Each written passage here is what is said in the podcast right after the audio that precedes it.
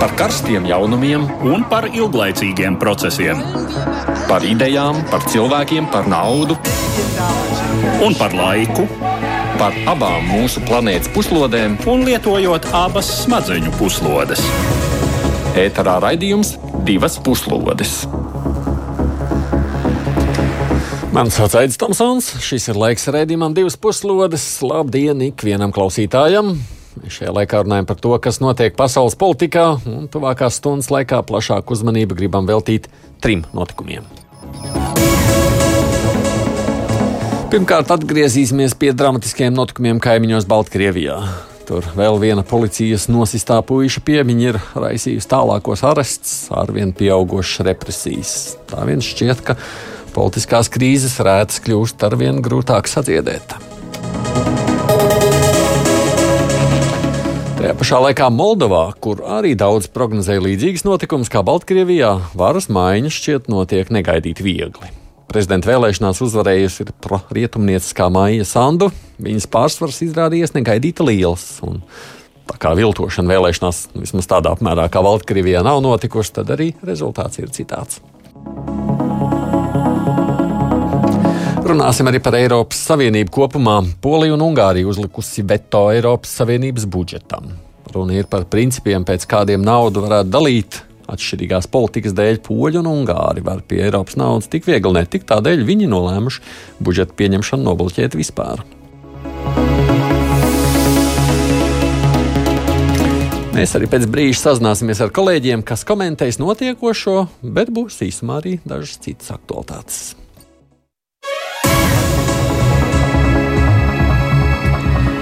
ASV prezidents Donalds Trumps turpina cītīgi pretstāvēt vēlēšanu rezultātiem un atzīt sakāvi. 3. novembrī notikušajās vēlēšanās viņš joprojām cer panākt balsu apstrīdēšanu, paužot pārliecību, ka vēlēšanās notikusi ir nepieredzēta krāpšanās un balsu nozagšana.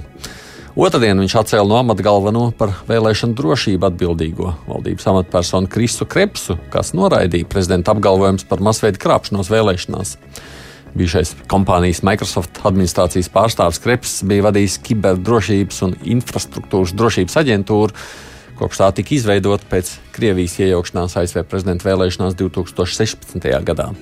Viņa darbība izpelnījusies gan republikāņu, gan demokrātu atzinību. Kreps pēdējās dienās bija vairāk kārt vērsies pret apgalvojumu par krāpšanos.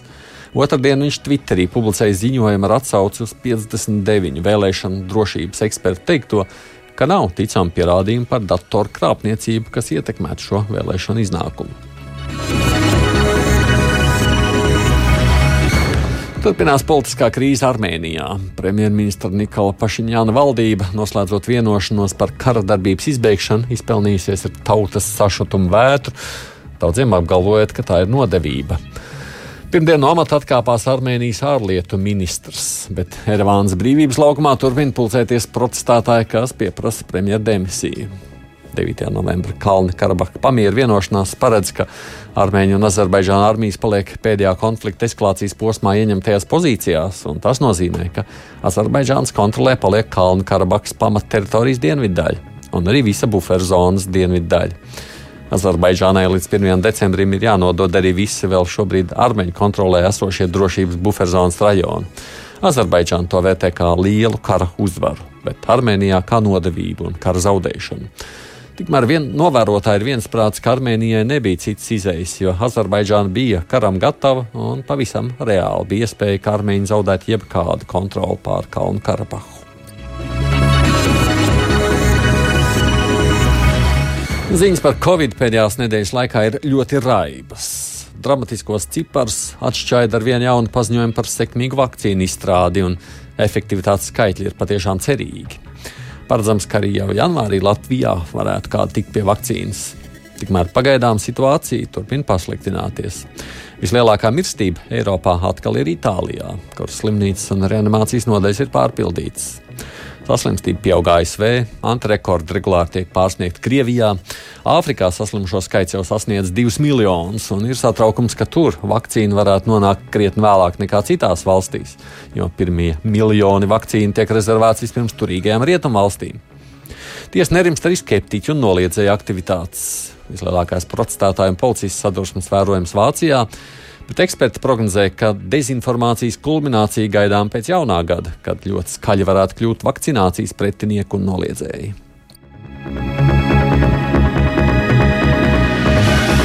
Bulgārija ir nobloķējusi sarunas ar Ziemeļmaķedoniju par pievienošanos blokam.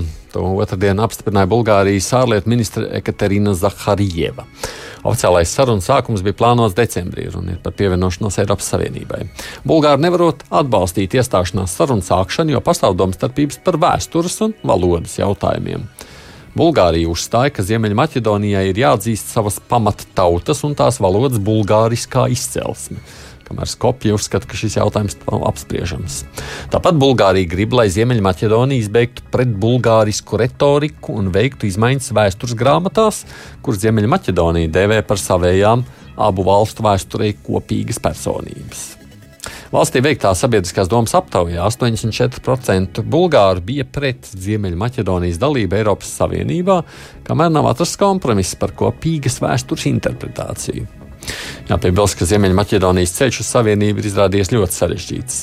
Vienu milzīgu piekāpšanos tā jau ir veikusi, jo nomainīja savas valsts nosaukumu no Maķedonijas uz Ziemeļmaķedoniju. Vēl izmeklējot pērnu novembrī notikušo dārglietu zādzību no Dresdenes muzeja, Vācijas policija otrdien ir aizturējusi trīs aizdomās turamos, tā paveistījuši likumsargi.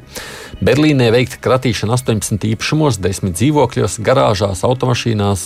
Pavisam operācijā piedalījušies 1600 likumsargu. Esam jau stāstījuši, pagājušā gada novembrī noziedznieki Dresdenes muzejā Zaļā Vēlve dažu minūšu laikā nozaga trīs dimantu un rubīnu dārglietu komplektus ar kopumā vairāk nekā 20 priekšmetiem. Šie nozagtie dārglietu komplekti pielīdzinām pasaules mantojumam. Tajos ietilpa 18. gadsimta kolekcijas dārglietas. Pēc zādzības Vācijas varas iestādes piedāvāja pusmiljonus eiro lielu atlīdzību par informāciju, kas palīdzētu atgūt dārglietas vai notvert zagļus. Vācijas varas iestādes martā paziņoja, ka spriežot pēc izmeklēšanā noskaidrotā zādzībā piedalījušies vismaz septiņi cilvēki.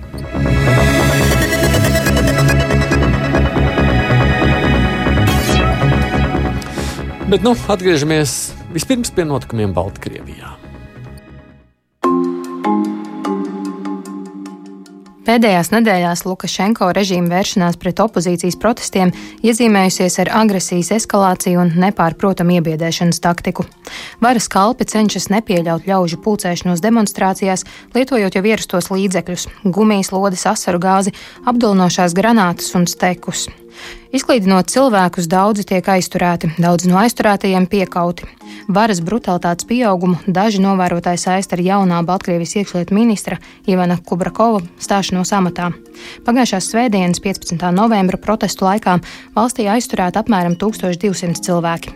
Tiek lēsts, ka pavisam Baltkrievijas cietumos tiek turēti līdz pat 25 tūkstošiem opozicionāru un protestu dalībnieku. Pagājušajā nedēļā nonākšana varas iestāžu rokās izrādījās liktenīgi skolotājam Romanam Bondarenko. Viņš dzīvoja Mīnskā, līdzās tā saucamajam pārmaiņu laukumam, pagalmam, kurā iedzīvotāji regulāri atjauno protestu simboliku, kuru varas pārstāvi savukārt pastāvīgi cenšas likvidēt. 11. novembra vakarā Bondarenko devās aprunāties ar maskotajiem ļaudīm, kuri kārtējo reizi novāca baltās un sarkanās lentas un aizkrāsoja grafitī pārmaiņu laukumā. Viņš tika aizturēts, dažas stundas vēlāk ar smagām traumām nogādāts slimnīcā, kur 12. novembra vakarā mira. Līdz ar viņa nāvi Lukašenko režīma upuru skaits kopš augusta ilgstošo protestu gaitā sasniedz astoņus cilvēkus. Bondarenko piemiņu un prasības sodīt viņa slepkavas kļuvušas par pēdējo dienu protestu vadmotīvu. Nākamajā dienā Baltkrievijas opozīcijas līderis Svetlana Tihanovska nāca klajā ar paziņojumu par tā saucamo tautas tribunālu - opozīcijas organizētu pierādījumu apkopošanu par režīmu pastrādātiem noziegumiem un plānotu tautas nobalsošanu par apsūdzībām tos veikušajiem. 20. decembrī izsludināta protesta akcija ar tautas apsūdzības motīvu. Pie tālruņa klausulas raidījumam šobrīd pieslēdzies kolēģis Edvards Liniņš. Sveiks, Edvard! Labdien! Un arī Vidzemes augstskolas lektors Rīgas Traģiņu universitātes doktorants Jānis Kapstāns. Labdien, Jāni! Esiet sveicināti!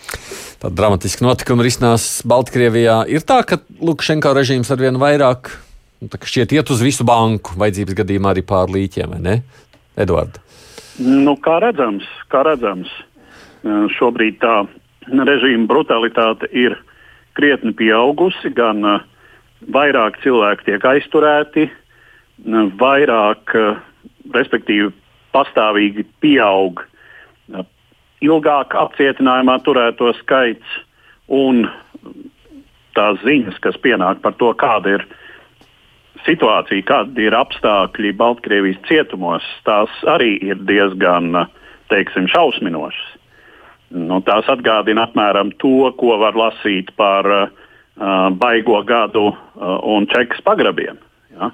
Mm. Cilvēki ir spiesti gulēt bez gultas veļas un matračiem, uh, uz kailas grīdas, um, iztikt bez siltā ūdens, uh, reizēm iztikt šajos laikapstākļos bez apkures. Un tā tālāk, un tā tālāk. Jā, jā, tur arī stāvēt īpašās pozās vairākas stundas, un tad tiek sista pa muguru, ejot nu, cauri kordonam. Uh, pastāvīga pazemošana un vispār, teiksim, pazemošana un iebiedēšana šķiet uh, ir kļuvusi par šī brīža taktiku, mēģinot panākt, ka nu, protesti apsīkst vienkārši cilvēkiem baidoties, rūpīgi sakot, dabūt pamuti. Jānis, sakiet, var šādā veidā apturēt Baltkrievus? Es domāju, ka īstermiņā Lukašenko režīmam ir izdevies kaut kāds panākums gūt, jo mēs redzam, ka protesti nu, nav īstenojušies ar tādu vērienu, kā opozīcija to vēlējās darīt. Tas nav piepildījies. Un, Īstermiņā viennozīmīgi mēs redzam, ka pašlaik Lukašenko režīmam nu, ir kā, kā spēcīgāks kārts, jo viņiem ir tik, tik spēcīgas tās spēka struktūras, kas pašlaik izskatās salīdzinoši lojāls, ja uzticīgs uh, esošajam režīmam, kas pilda pavēles un kas arī nebaidās pielietot šo pārlieku lielo spēku. Bet, ja jūs lietojat vārdu, jā, jā, īstermiņš un ilgtermiņš. Ilgtermiņā tas droši vien arī pašam režīmam iegriezīs, jo tā ekonomika un covid tas viss jau velk režīmu uz leju. Bet īstermiņā es teiktu, ka pagaidām tās pozīcijas ir tomēr diezgan stipras. Mums producents sazvanījās ar vienu no protestētājiem, Mariju no Minskas. Nu, ņemot vērā, ka tur arī par intervijām var būt slikts seks, mēs uzvārdu nesauksim, bet no viņas jaunākā māsa augstā bija viena no aizturētajām. Viņu vēlāk arī par dalību protestos izmet no universitātes. Mēs paklausāmies sarunu. If, if everyone, think... Es nezinu, vai varu runāt visu vārdā, bet man šķiet, ka kopumā cilvēku garastāvoklis šeit sinhronizējas. Es domāju, ka viena no lietām, kas to labi ilustrē, ir joku skaits, kas redzams internetā par Baltkrievu noskaņojumu. Un tas nepārtraukti mainās no mēs to varam, mēs rīt uzvarēsim, līdz mēs to nevaram, mēs esam zaudējuši. Un to ietekmē daudz mazas lietas Kopumā cilvēki ir noguruši. Ir pagājuši trīs mēneši, un daudzi ir pesimistiski, jo neredz tos rezultātus, kurus gan varbūt negaidīja, bet uz kuriem tomēr cerēja. Es gan nedomāju, ka tas būtu realistiski sākt protestēt un nedēļas laikā uzvarēt režīmu, kas ir bijis pie varas 26 gadus. Bet viss ir atkarīgs no mazām lietām. Vienā dienā ir neliels desmit sieviešu protests, kas iet ar balti sarkanu baltiem lietussargiem, kas nav nekas liels, vai ne? Bet uh, Tas paceļ tavu garastāvokli. Un nākamajā dienā Ramanu Bandarenku nogalina viņa pagalmā blakus viņa mājai. Ir lietas, kas mobilizē cilvēkus, kas atkal tevi padara dusmīgu un atgādina, kāpēc tu to dari, un palīdz atgriezties tajā kaujas režīmā. And so you, you get back into this fighting regime. Exactly es domāju, ka dialogs ir tieši tas, ko opozīcija vēlas un ko prasa jau ilgu laiku, kopš vēlēšanām. Bet es nedomāju, ka dialogs ir kaut kas tāds, kas būtu realitāte tagad vai kas tuvākajā laikā varētu būt. Jūs droši vien esat dzirdējuši par pirmo mēģinājumu dialogam, kad valsts formālais prezidents devās uz vienu no cietumiem, kur tikās ar aizturētajiem opozīcijas līderiem un apsprieda jauno konstitūciju. Es nedomāju, ka kaut kas cits var labāk raksturot to, cik absurdi ir situācija šeit. Es domāju, ka vienīgais veids, kā režīms varētu veidot dialogu vai meklēt kompromisu, ir, ja to piespiež vai nu ar spiedienu no ielām, vai spiedienu no Krievijas puses, bet es nedomāju, ka mēs varētu nonākt pie režīma un prezidenta brīvprātīgi atbalstīta dialoga. Es domāju, ka grūti ir meklēt kompromisu, ja cilvēku pirmā prasība ir tava atkāpšanās no amata. Uh, the post that you now have. I just figured I might sound more pessimistic than I Es tikko sapratu, ka es izklausos pesimistiskāka nekā es esmu. Es ticu, ka tas izdosies. Pirmkārt, režīms šobrīd mūs cenšas iebiedēt. Viņi cenšas panākt to, ka cilvēkiem ir bail iziet ielās, lai cilvēki paliek mājās, bet realitāte ir tāda, ka cilvēki nevis baidās iet ielās, bet vairāk baidās no apziņas, ka šī ir valsts, kādā mēs dzīvosim tuvākos gadus. Ir sasniegts tas sabiedrības apziņas punkts, no kura nevar atgriezties, neatkarīgi no tā, kāds spiediens nāk no varas. Protesta formāts varētu mainīties. Ārā kļūst augstāks, agrāk satumst, cilvēki ir noguruši un mums vājprātīgs koronavīrusu uzliesmojums. Un man šķiet, ka otrais vilnis ir daudz nopietnāks par pirmo. Visi šie faktori ietekmē to, cik gatavi cilvēki ir iziet ielās. Tāpēc formāti varētu mainīties. Mēs varētu pielāgot to, ko un kā mēs darām, bet es nedomāju, ka mēs apstāsimies. Mēs jau to esam redzējuši pēc 9. augusta vēlēšanām. Mēs redzējām daudzus vakara mītiņus, protestus, bet tas bija brutāli. Tas bija karš uz ielām. Cilvēkiem bija bail pievienoties. Tur bija šaušanas, cilvēki tika nogalināti. Tāpēc mainījās formāts. Ielās izgāja sievietes baltās kleitās, un tas mainīja visu. Mēs arī pārgājām uz protestiem diennakts gaišajā laikā. Tāpēc es domāju, ka mainīsies protestu formāts.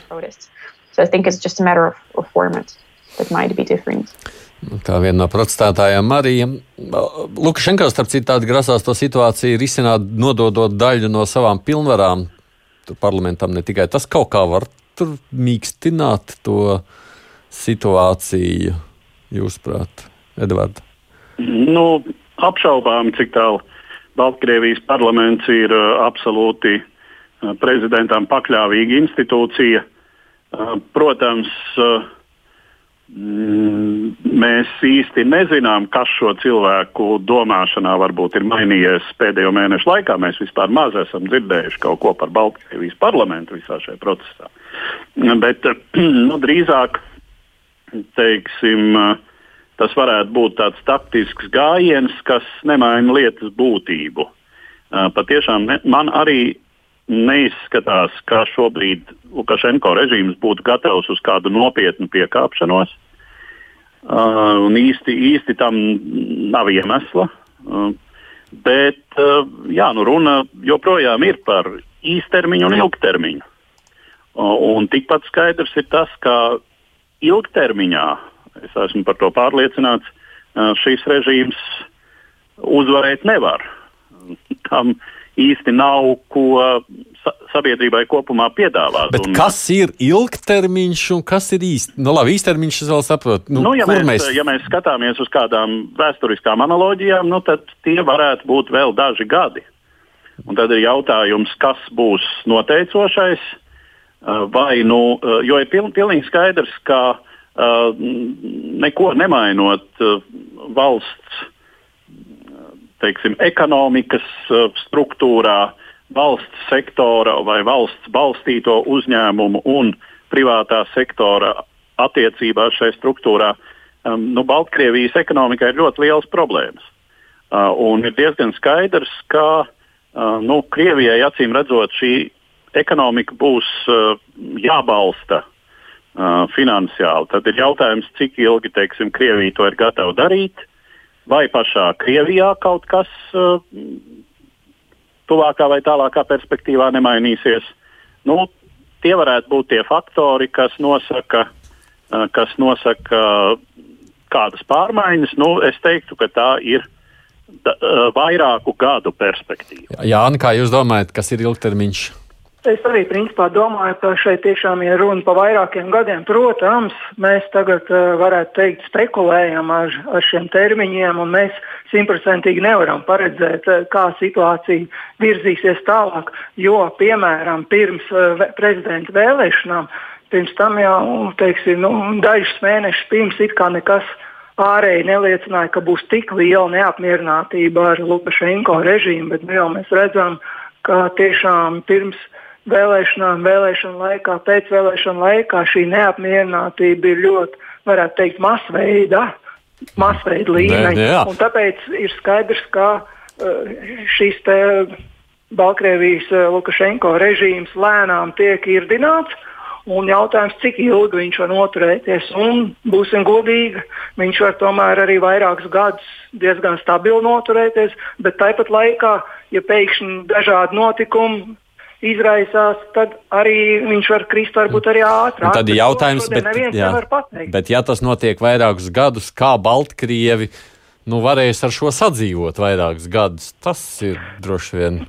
Šajā sižetā, ko jūs atskaņojāt, te jau ļoti skaidri pateica opozīcijas pārstāve, ka cilvēki, šī opozīcija nav gatava sadzīvot, nav gatava dzīvot pa vecām. Tie, kas ir smagi piekauti, nu es nekādīgi nevaru iedomāties situāciju, ka viņi tagad mierīgi atgrieztos savā darba vietās vai savā universitātēs un atkal dzīvot, varētu teikt, laimīgi, it kā nekas nebūtu bijis. Nu, tur jau tā lieta, nu, tur jau tā lieta, vai ne? Tad Jā, tā, ir, šī nestabilitāte ļoti stingri turpināsies, un principā grūtības mēs jau ļoti labi redzam no abām pusēm.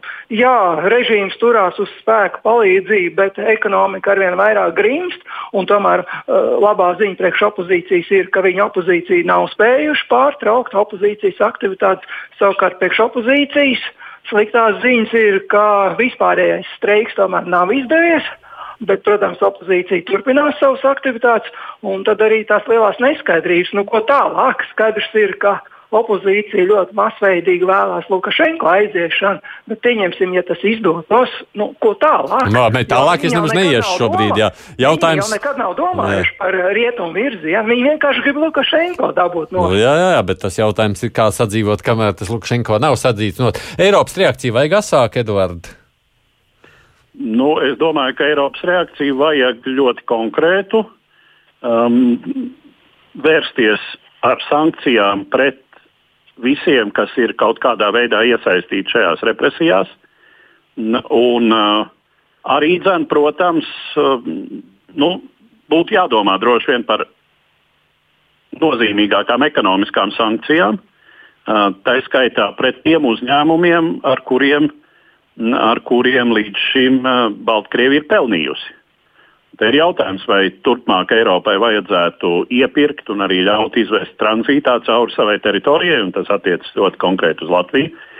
Baltkrievijas, pirmkārt, Baltkrievijas minerālu mēslus, nu, kas nu tur vēl ir, jā, kaut kāda mašīna mašīnu būves, eh, ne, lauksaimniecības tehnika, kaut kas tam līdzīgs. Mm, jā, starp principiem un naudu, bet klausiet, un, jā, vēl viens jautājums. Un hokeju spēlēt vajag? Jā, noteikti. Lat, Lat, Latvijas teiksim, valdības uh, rokās tiešām ir ļoti spēcīga šī vīra uh, hokeja čempionāts, kas tomēr ir ļoti lielā tādā mērā tāds arī prestižs jautājums. Ja gadījumā notiek brīnums un tiešām Baltkrievijām atņem šo hokeja rīkošanas iespēju, nu, tas būtu milzīgs teiksim, trieciens, kas ļoti teiksim, tieši režīm, režīmām ļoti, ļoti nepatiktu.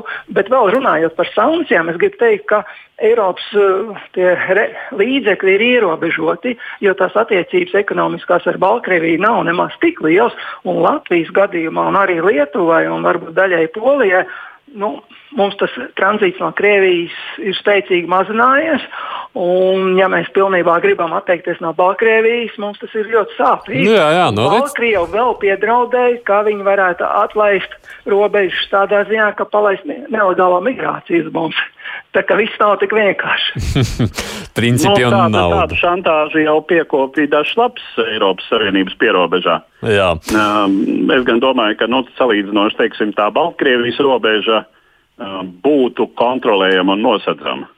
Uh, ka, nu, no, no šiem draudiem īpaši nevajadzētu baidīties, bet, nu, protams, mēs varam paredzēt, ka ir runa par ekonomiku, ja ir runa par mm, Latvijas uzņēmumu peļņu un to, par ko Jānis saka, ka tas mums būtu sāpīgi. Uh, nu, tur, tur teiksim, tāds um, lobbyis Latvijā ir, ir pilnīgi droši prognozējams. No, jā. Labi, Par Moldovu turpinām. Tur arī bija vēlēšanas. Toties situācija izrādījusies krietni mierīgāk. Mēs par to turpinām. Svētdien notikušajā Moldovas prezidenta vēlēšana otrajā kārtā, iegūstot gandrīz 58% vēlētāju balsu, uzvarējis Liberālās partijas rīcību un solidaritāte pārstāve Māja Sandu. Līdz ar to amatu zaudējis viņas konkurents - Moldovas Republikas Sociālistu partijas pārstāvis un līdzšinējais prezidents Igors Dodons. Par Sandu pamatā balsojas elektorāts galvaspilsētā Kišiņevā un Moldovas centrālajā daļā, kamēr par Dodonu valsts attālāko ziemeļu, dienvidu un austrumu rajonu iedzīvotāji. Rīcība un solidaritāte tiek uzskatīta par Moldovas nozīmīgāko proeiropisko spēku, kamēr Socialistu partija par prokrievisku.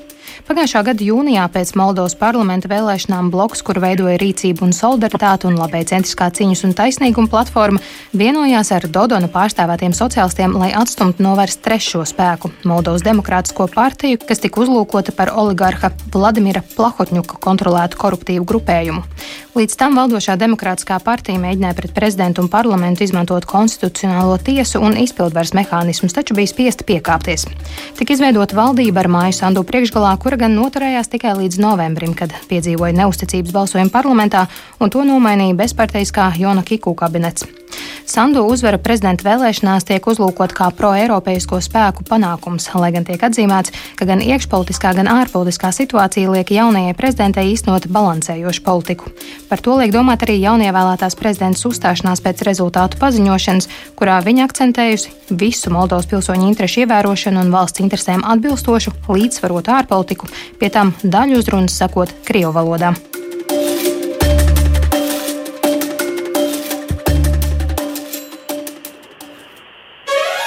Divas puslodes. Atgādina telefoniski pie klausulas vidzemes augstskolas lektors Jānis Kapstāns, kolēģis Edvards Liniņš. Baltkrievijā pieminētajā jau pēc prezidenta vēlēšanām, kā Jānis sacīja, daudz nemaz neprognozēja tik dramatisks notikums. Moldovā šajā reizē toties prognozēja, un nav. Kā jūs skaidrojat, kāpēc tā, Jāni? Tādā ziņā, ka Moldovā ir ļoti liela neapmierinātība ar valsts esošo situāciju. Un bija tātad prognozes gadījumā, ja līdzinājums prezidents saglabātu vārdu, tad varētu sākties nemieri. Nu, teica jau arī otrādi. Es jau skatījos, tur visi gaidīja arī otrādi, ka varētu būt.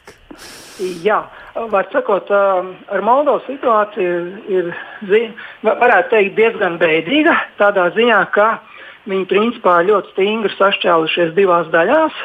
Tātad daļu uz rietumiem, daļu uz Krieviju Tālāk ir uz valodas bāzes, uz rumāņu valodas un uz krievu valodas bāzes. Ļoti labi to var redzēt pēc migrācijas. Man pašam to situāciju ir diezgan viegli saprast, jo 2017. gada aprīlī nedēļa bija Erasmus Plus pieredzes apmaiņas eh, vizītē Moldovā. Tur ļoti labi varēja redzēt to situāciju. Milzīga nabadzība, valda bezcerība, vārdu tiešā nozīmē. Un migrācijā, teiksim, tie, kas ir rumāņu valodā runājušie, tie dodas uz Eiropas Savienību strādāt, tie, kas uz Krieviju orientējās, tie uz Maskavu un tam līdzīgi. Un, te, un vēl interesanti, ka daudz ir tie, kas uz Eiropas Savienību orientējās, viņi ir rumāņu pasis pat sev dabūjuši, lai varētu strādāt Eiropas Savienībā. Un Rumānija arī daļu savus finanses iegūta Moldovas ekonomikā. Tas tā ir interesanti. Bet atkal krieviskā pusē tiek baidi, ka Rumānija varētu prasīt atkal apvienoties ar Moldovu, tātad paņemt atpakaļ. Bet tas, protams, šodien nav reāli. Ja. Pirms vēlēšanām jau daudz izteica domu, ka varētu šīs rezultāts tiešām būt salīdzinoši tuvu. Un tomēr tā Sandu uzvara ir diezgan pārliecinoša. Edvards, kāpēc tavuprāt tik šoreiz pārliecinoši? Nu, relatīvi pārliecinoši, protams. Nu, Droši vien, ka. Um, Balsts neviens tā... neliek pārskaitīt. Nē. Dodons Nē. vispār liek. nu, Dodons ir teicis, ka ja tiesa neko pretlikumīgu neatradīs. Un es pieļauju, ka, uh, ja neko pretlikumīgu neatradīs, tad viņš tā sacīt, tur liks punktu un uh, sveiks uzvarētāju, savu konkurentu ar uzvaru. Es pieļauju, ka mazliet te ir vienkārši tāda modes lieta, Jā. rezonēšana ar Trump. vispār zināmajiem motīviem, kas nāk šobrīd no Savienotajām valstīm. Bet par, runājot par to, Uh, procentuālo attiecību droši vien, ka uh, sava loma bija tam, kā izšķīrās tie, kuri pirmajā kārtā balsoja par citiem kandidātiem. Pirmajā mm -hmm. kārtā, ja nemaldos, bija astoņi kandidāti vai deviņi kandidāti uh, salīdzinoši daudz. Uh, nu, tad, tad šīs balsis uh, izšķīra, bet uh, Vairāk arī, man liekas, atnāca uz vēlēšanām otrajā kārtā nekā un pirmajā. Un vēl viens faktors, ka diezgan aktīvi ir balsojuši tie Moldāvijas pilsoņi, kas dzīvo ārzemēs. Un tādu mm -hmm. ir mhm. daudz, kā jau atkal Jānis minēja. Tātad, Daudz ir to, kas ir emigrējuši un strādā Eiropas Savienībā. Nu, Moldāvu valoda, tā ir tā pati rumāņu valoda, romāņu cilmes valoda, kas ļauj samērā ātri iemācīties uh, franču, itāliešu valodu un, teiksim, rumāņu viesstrādnieki, uh, darba migranti ir uh, vidusjūras reģiona valstīs un arī Francijā ir uh, visai daudz. Un, acīm redzot, šobrīd turp dodas arī Moldāvu migranti. Nu, tātad šie cilvēki ir balsojuši un ir balsojuši pamatā par Tātad pamatā par Maiju Sandu mm -hmm. kā prezidentu kandidātu. Pār par 90%. Klausies, Edvards, tev bija arī saruna ar viens Jā. cilvēku. Man bija saruna ar Vladimiru Aračēlovu. Viņš ir labas pārvaldības eksperts, kurš strādā Kišiņevā. Un, jā, nu, tātad, pirmais, ko es viņam jautāju, bija, kas tad noteica to, ka Maija Sandu pat pretēji iepriekšējām prognozēm tik pārliecinoši uzvarējušais vēlēšanās. First of all, Mrs. Sandu is uh, trying since uh, 2016.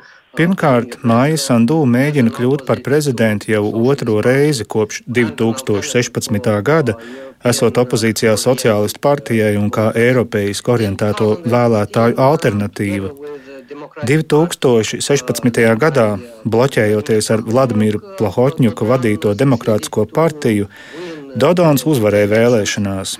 Tagad, bez Plahotņuku un ar nu jau lielākās Moldovas sabiedrības daļas eiropeisku orientāciju, Māja Sandu uzvarēja. Moldovā vienmēr apmēram puse iedzīvotāju bijusi orientēta uz Eiropas Savienību, Taču šī gada vēlēšanās noteicošs bija arī balsojums pret sociālistu politiku un pret korupciju, pret krāpnieciskām darbībām vēlēšanās un valdības darbā. Bija vairāki šie cits citu papildinošie motīvi, kas ļāva Mājai Sandu uzvarēt.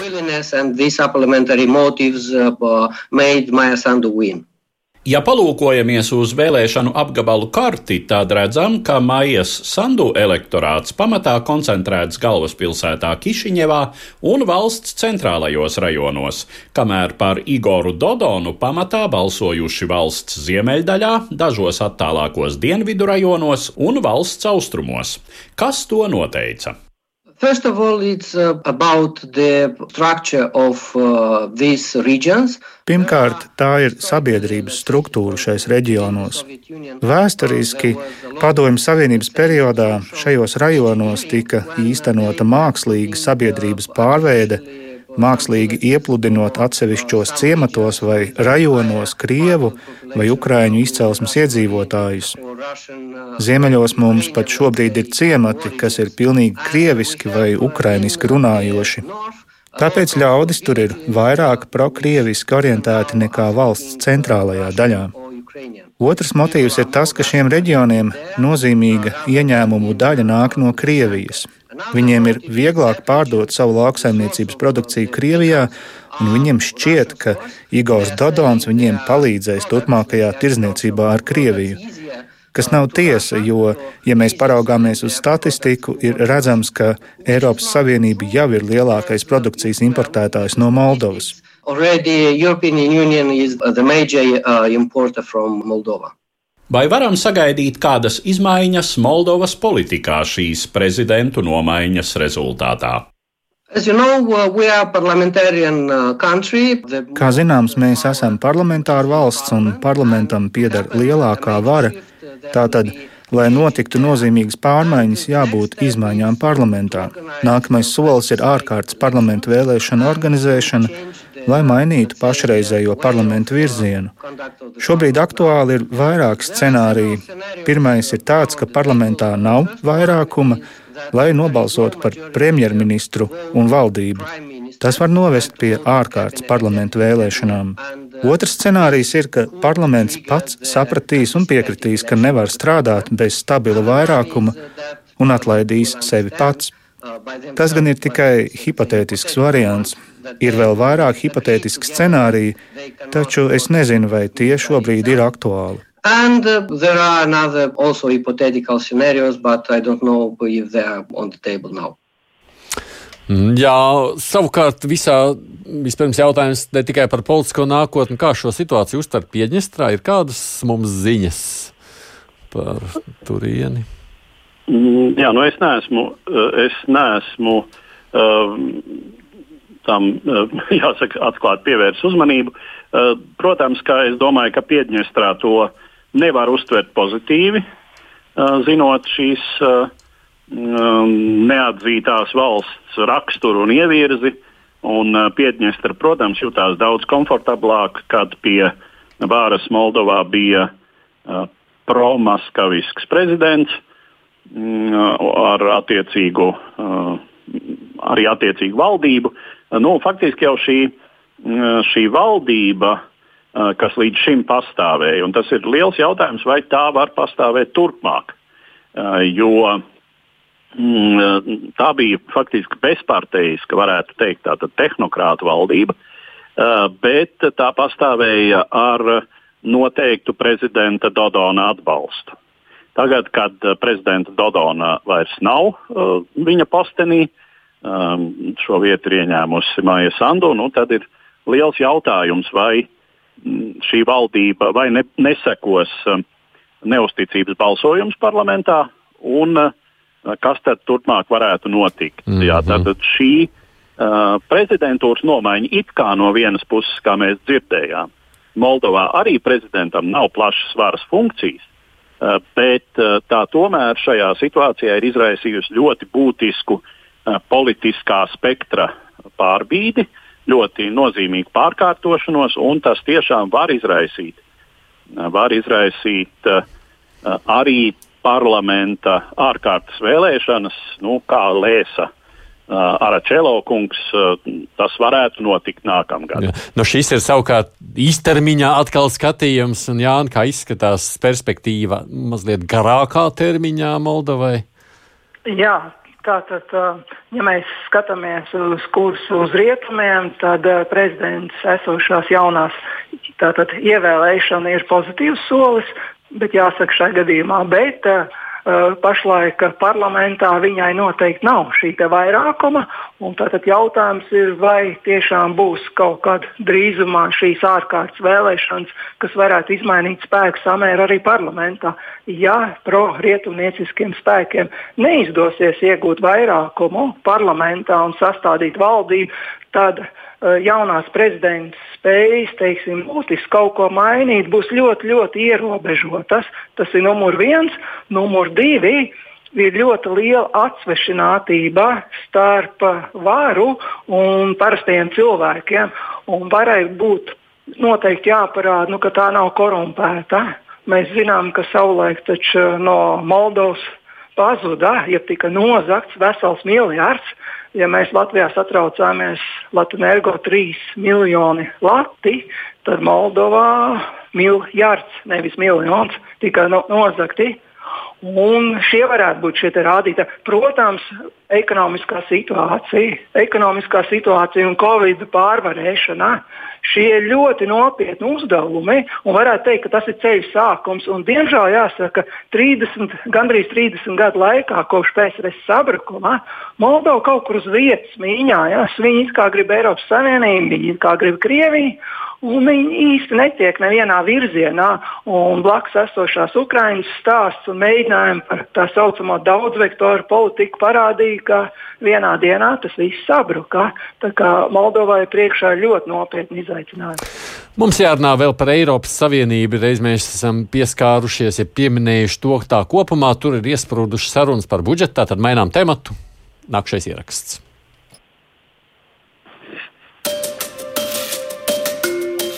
17. novembra vakarā izpaudās informācija, ka Savienības valstu pārstāvjiem nav izdevies panākt vienprātību par Eiropas Savienības daudzgadu budžetu laika posmam no 2021. līdz 2027. gadam. Līdz ar to arī apmēram 750 miljardus lielajai atbalsta programmai pandēmijas rezultātā cietušo dalību valstu ekonomikai. Budžeta pieņemšanu, kurai nepieciešams dalību valstu vienbalsīgs lēmums, bloķējušas Polija un Ungārija. Abas šīs dalību valstis jau ilgāku laiku ir konfrontācijas situācijā ar Savienības institūcijām par fundamentālu demokrātijas principu ievērošanas jautājumiem, un viens no jaunievedumiem plānotajā daudzgadu budžeta īstenošanā ir līdzekļu piešķiršanas sasaistīšana ar likuma varas stāvokli dalību valstīs. Kā zināms, gan Ungārijai, gan Polijai tiek pārmesta tiesu varas pakļaušana politiskas konjunktūras kontrolē, un ir liela iespēja, ka tieši šīm valstīm var tikt noteikti attiecīgie līdzekļu saņemšanas ierobežojumi. Ungārijas līderis Viktors Orbāns sev ierastajā retorikas manierē raksturojas minēto likuma varas klauzulu kā Briseles diktātu pret dalību valstīm, kas padarot Eiropas Savienību līdzīgu Padomju Savienībai, un piesauc ļaunās Briseles vēlmi piespiest dalību valsts uzņemt ārpus Eiropas migrantu masas. Viņam piebalsojas Polijas tieslietu ministrs Zbigņevs Jobro, sakot, ka likuma varas aizsargā tiekot laupīta dalību valstu suverenitāte. Tikām vairāk dalībvalstu līderi, tā skaitā Austrijas kanclers Sebastians Kurts un Rumānijas premjerministrs Ludoviks Orbāns, norādījuši, ka likuma varas noteikumu saglabāšana ir absolūti nepieciešama, cik tālu tā garantē arī bezprecedenta līdzekļu piešķīrumu adekvātu izlietojumu.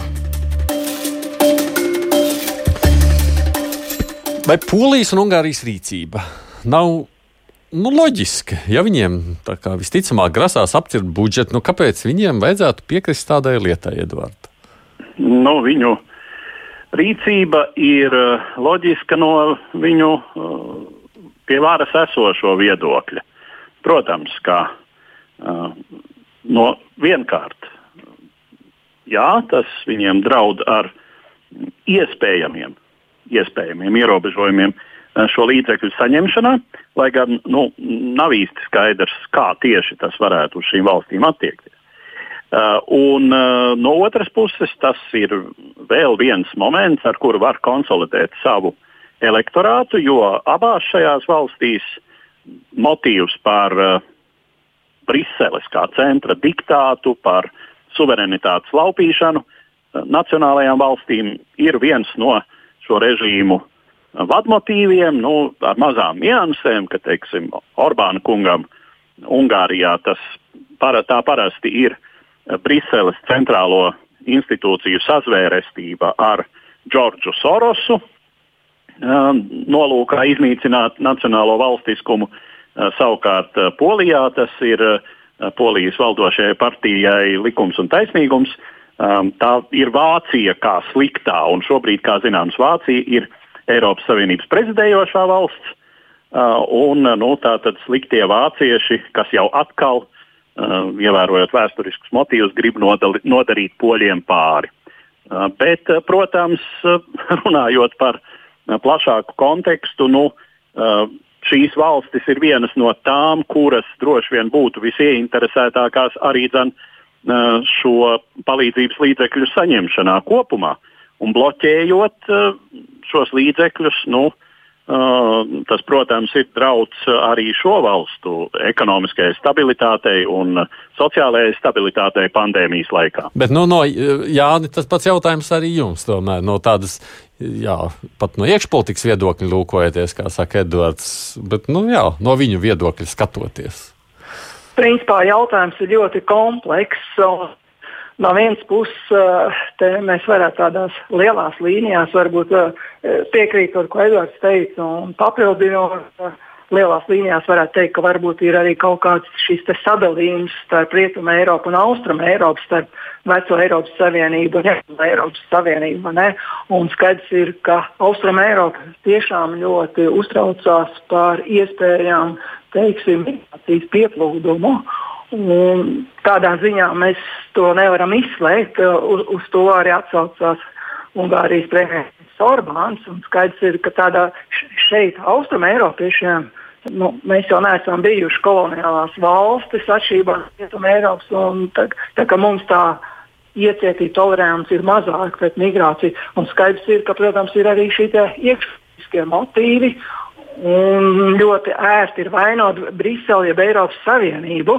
Tā, tā ir diezgan slikta spēja. Tādā ziņā, ka tā var veicināt iedzīvotāju noskaņojumu pret Eiropas Savienību, bet Eiropas Savienība jau tie, tieši atkal dod šīs naudas. Man ir lielas bažas, eh, kā teiksim, kāda ir reakcija vairākajām Rietumē Eiropas valstīm, īpaši jau Itālijai, Spānijai, kas ļoti gaida šo naudu, kurām dēļ turismu sabrukuma Covid laikā viņām ir viss steidzamāk nepieciešama šī nauda, un vairs kā viņas neiespītēsies.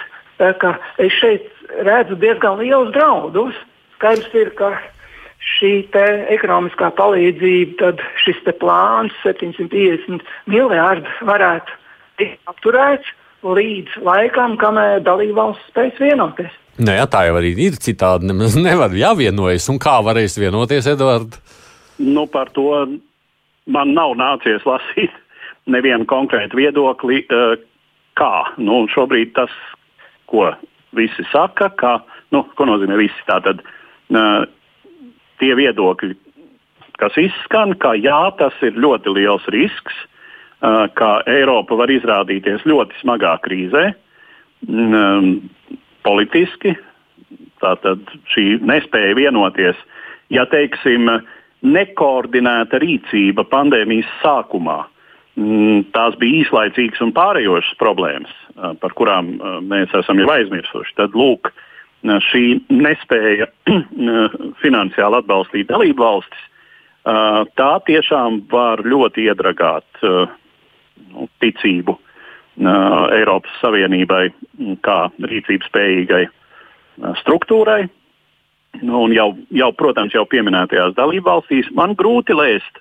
Um, starp citu, man šķiet, ka tieši šobrīd, vai ja, ja vēl nav sākusies, tad, tad te, te sāksies Eiropas uh, valstu vadītāju videokonference, kurā šis jautājums ir dienas kārtībā. Un, nu, grūti teikt, ja, jo man ir grūti iedomāties tādu pilnīgu piekāpšanos no Ungārijas un Polijas puses. Un grūti iedomāties, faktiski neiespējami iedomāties, ka šis noteikums par likuma varas ievērošanu tiktu pilnībā svītrots pārāk daudz arī enerģijas un teiksim, Eiropas politisko virsotņu prestīža ir ielikts šī principa iedzīvināšanā.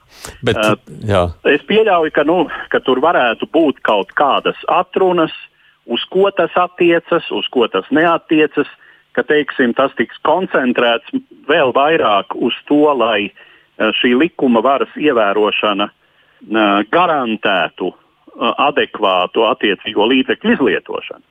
Jo nu, ir tādi fakti, ka Ungārijā, piemēram, Orbāna politiskajiem sabiedrotajiem un, un, teiksim, poli un ekonomiskajiem balstītājiem ir ticis nesamērīgi daudz no Eiropas fondu līdzekļiem.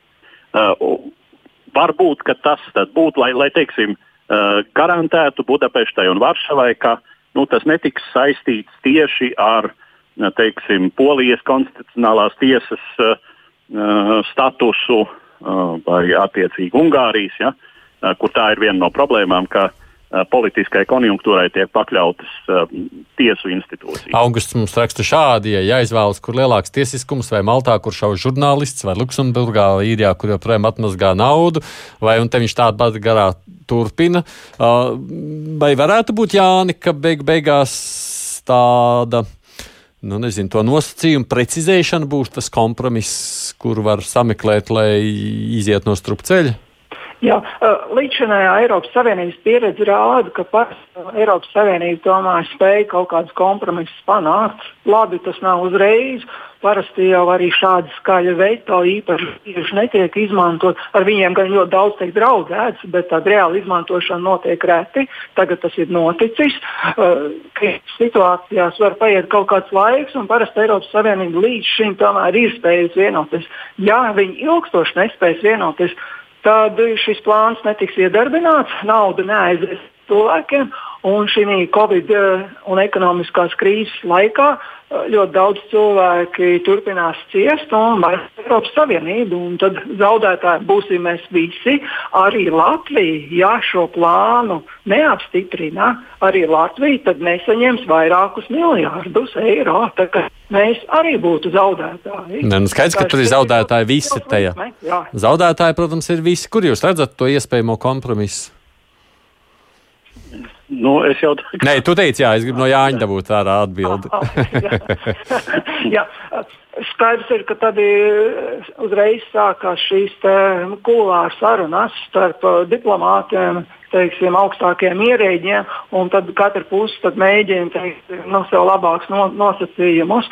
Uh, Edvards jau teica, ka Eiropas Savienība it kā nevar pilnībā atteikties, bet arī es domāju, ka, piemēram, arī ļoti nepieņemams ir fakts, ka nu, ja šos struktūra fondus nepiešķirs tādām un tādām pilsētām, kas deklarējušas, ka piemēram viņas ir no vienzimuma laulībām brīvas un tam līdzīgi, nu, šie visi ļoti, ļoti jūtīgi jautājumi. Un te vajadzētu kaut kā to retoriku pieklusināt un kaut kādu zelta vidusceļu tomēr atrast.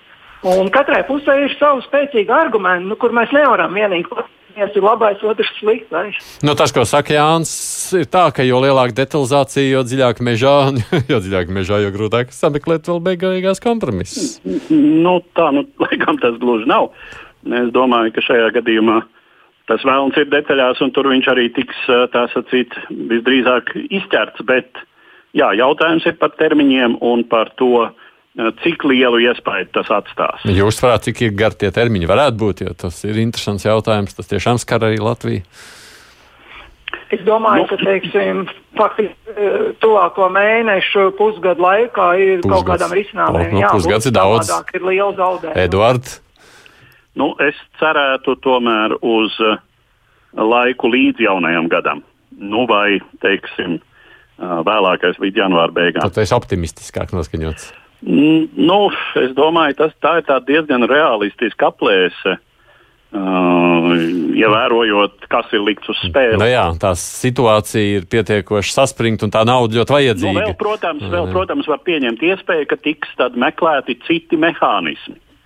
Uh, citi finanšu instrumenti, kā sniegt uh, steidzamu atbalstu vienam vai otram valstīm, kurām tas visvairāk ir nepieciešams. Paldies jums! Arī, pa, arī par šo vienošanos jau bija ļoti smags. Tas iepriekšējās trīs dienas tās sarunas gāja, tā kā ļoti grūti jau vispār vienoties. Mm.